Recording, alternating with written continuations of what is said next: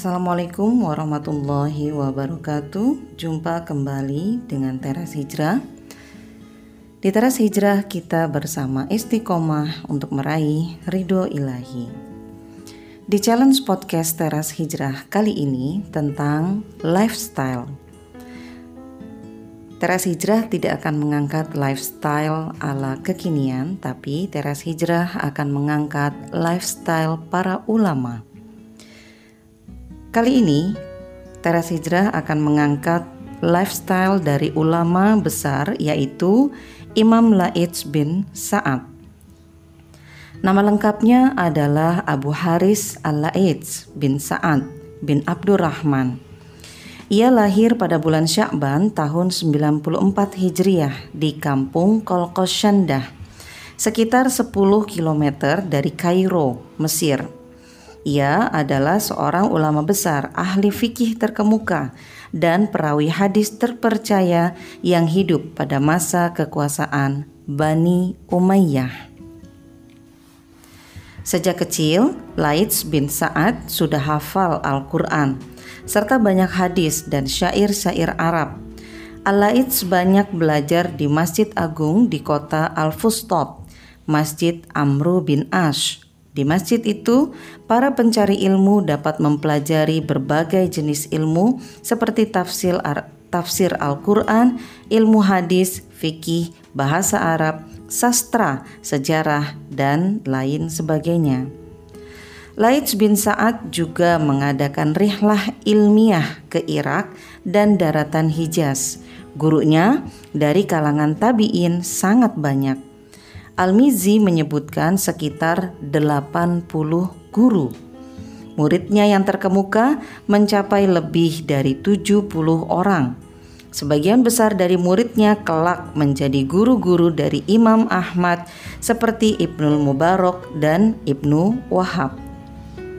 Sebagian lagi menjadi guru dari Imam Al-Bukhari seperti Yahya bin Bukhair dan yang lain menjadi guru dari Imam Muslim seperti Yahya bin Yahya At-Tamimi.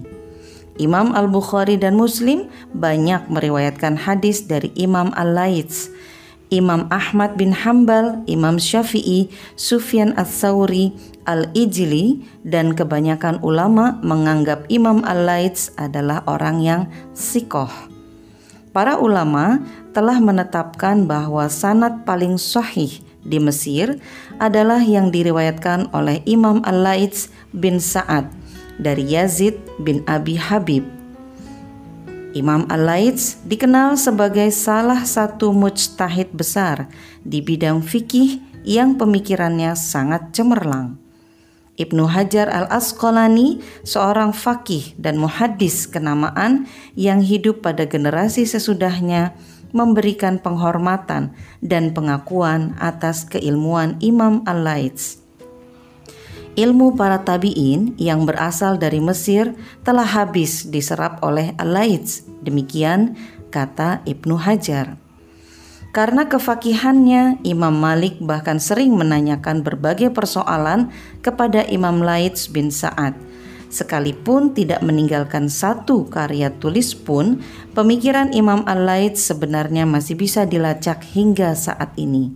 Pasalnya, banyak ulama fikih dari generasi sesudahnya yang sering menukil pendapatnya dalam kitab-kitab mereka. Di antara kitab yang memuat petikan pemikiran Imam Al-Laits adalah Al-Mughni atau kitab fikih mazhab Hambali yang disusun oleh Ibnu Qudamah. Al-Muhalla atau kitab fikih mazhab Az-Zahiri yang dikarang oleh Ibnu Hazm dan Bidayah Al-Mujtahid atau kitab fikih mazhab Maliki karya Ibnu Rushid.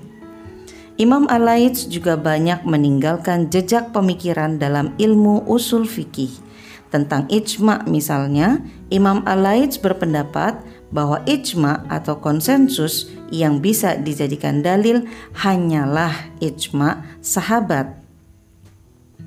Terkait keilmuan Imam Al-Laits, Imam An-Nawawi berkomentar, semua orang bersepakat akan keagungan Imam Al-Laits, termasuk sifat amanahnya dan ketinggian derajatnya dalam fikih dan hadis. Bahkan Imam eh, bahkan Ibnu Wahab berkata, andai tidak ada Imam Malik dan Imam Al-Laits, tentu manusia akan tersesat. Imam Ash-Syafi'i bahkan menilai Imam Al-Laits lebih fakih daripada Imam Malik. Hanya saja kata Imam Syafi'i karena kekurang sigapan murid-muridnya untuk membukukan pemikirannya, mazhab Al-Laits bin Sa'ad akhirnya lenyap. Selain seorang ulama besar, Imam Al-Laits juga termasuk pengusaha sukses yang amat dermawan. Karena itu, meski menjadi pengusaha sukses, Imam Al-Laits tidak pernah menjadi kaya raya sehingga tidak pernah membayar zakat. Kenapa demikian?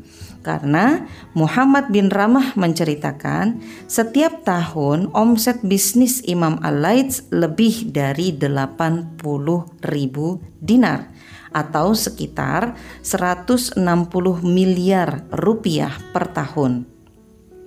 Namun beliau tidak pernah membayar zakat Pasalnya, sebelum mencapai satu tahun atau satu haul, hartanya sudah habis ia infakkan dan sedekahkan.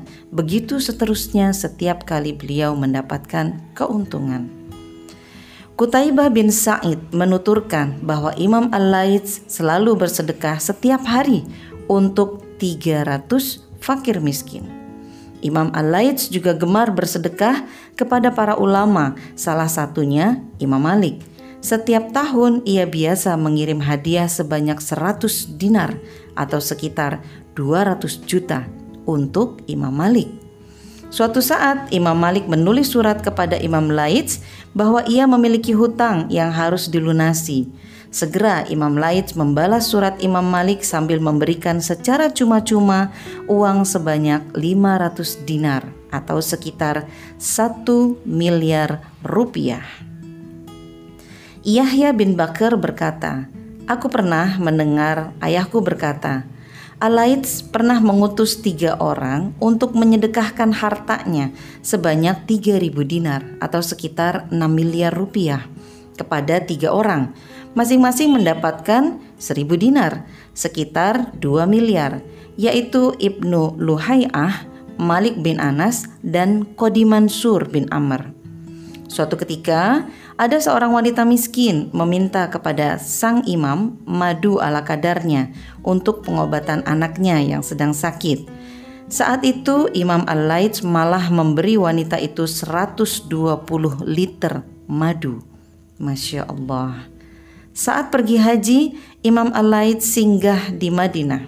Saat itu Imam Malik mengirim beberapa lembar roti basah dari gandum di atas nampan.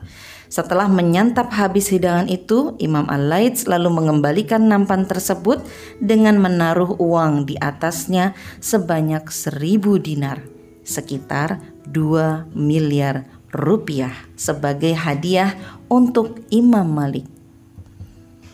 Pada suatu ketika, Khalifah Harun ar-Rashid memberi Imam Malik uang sebanyak 500 dinar, sekitar 1 miliar Mengetahui itu, Imam Lais tidak mau kalah. Ia kembali memberi hadiah kepada Imam Malik berupa uang dengan jumlah dua kali lipat, yaitu seribu dinar, sekitar 2 miliar rupiah. Ibnu Miskin menuturkan bahwa Imam Al-Laid sempat dibawa oleh Khalifah Al-Ma'mun ke Baghdad dan dipenjarakan di sana. Pasalnya, ia tidak mau memenuhi tuntunan tuntutan Khalifah Al-Ma'mun untuk menyatakan bahwa Al-Quran adalah makhluk. Imam Al-Laits tetap dipenjara hingga Ja'far Al-Mutawakkil naik takhta. Sejak itulah ia baru dibebaskan. Imam Al-Laits wafat sekitar tahun 175 Hijriah. Terkait wafatnya Imam Al-Laits, Imam Syafi'i pernah berdiri di sisi kuburannya seraya berkata, Demi Allah, Wahai imam, engkau telah mengumpulkan empat sifat yang tidak dimiliki ulama lainnya. Ilmu, amal, zuhud, dan kedermawanan. Sahabat teras hijrah, kadangkala kita hanya fokus kepada satu saja, pencari ilmu, atau pelaku amal, atau orang yang zuhud saja, atau bahkan hanya orang yang dermawan saja. Namun, ketahuilah sahabat teras hijrah, ulama kita terdahulu adalah orang-orang yang menggabungkan empat sifat mulia di dalam kesehariannya dan di dalam kehidupannya. Beliau adalah Imam Laits As-Sa'ad. Orang yang pandai dalam ilmu, mumpuni dalam amal, dan luar biasa dalam zuhud serta dermawan yang sangat ramah dikenal oleh masyarakat. Demikian lifestyle edisi 1 di podcast Teras Hijrah. Semoga bermanfaat untuk kita semuanya. Bila taufiq wal hidayah. Assalamualaikum warahmatullahi wabarakatuh.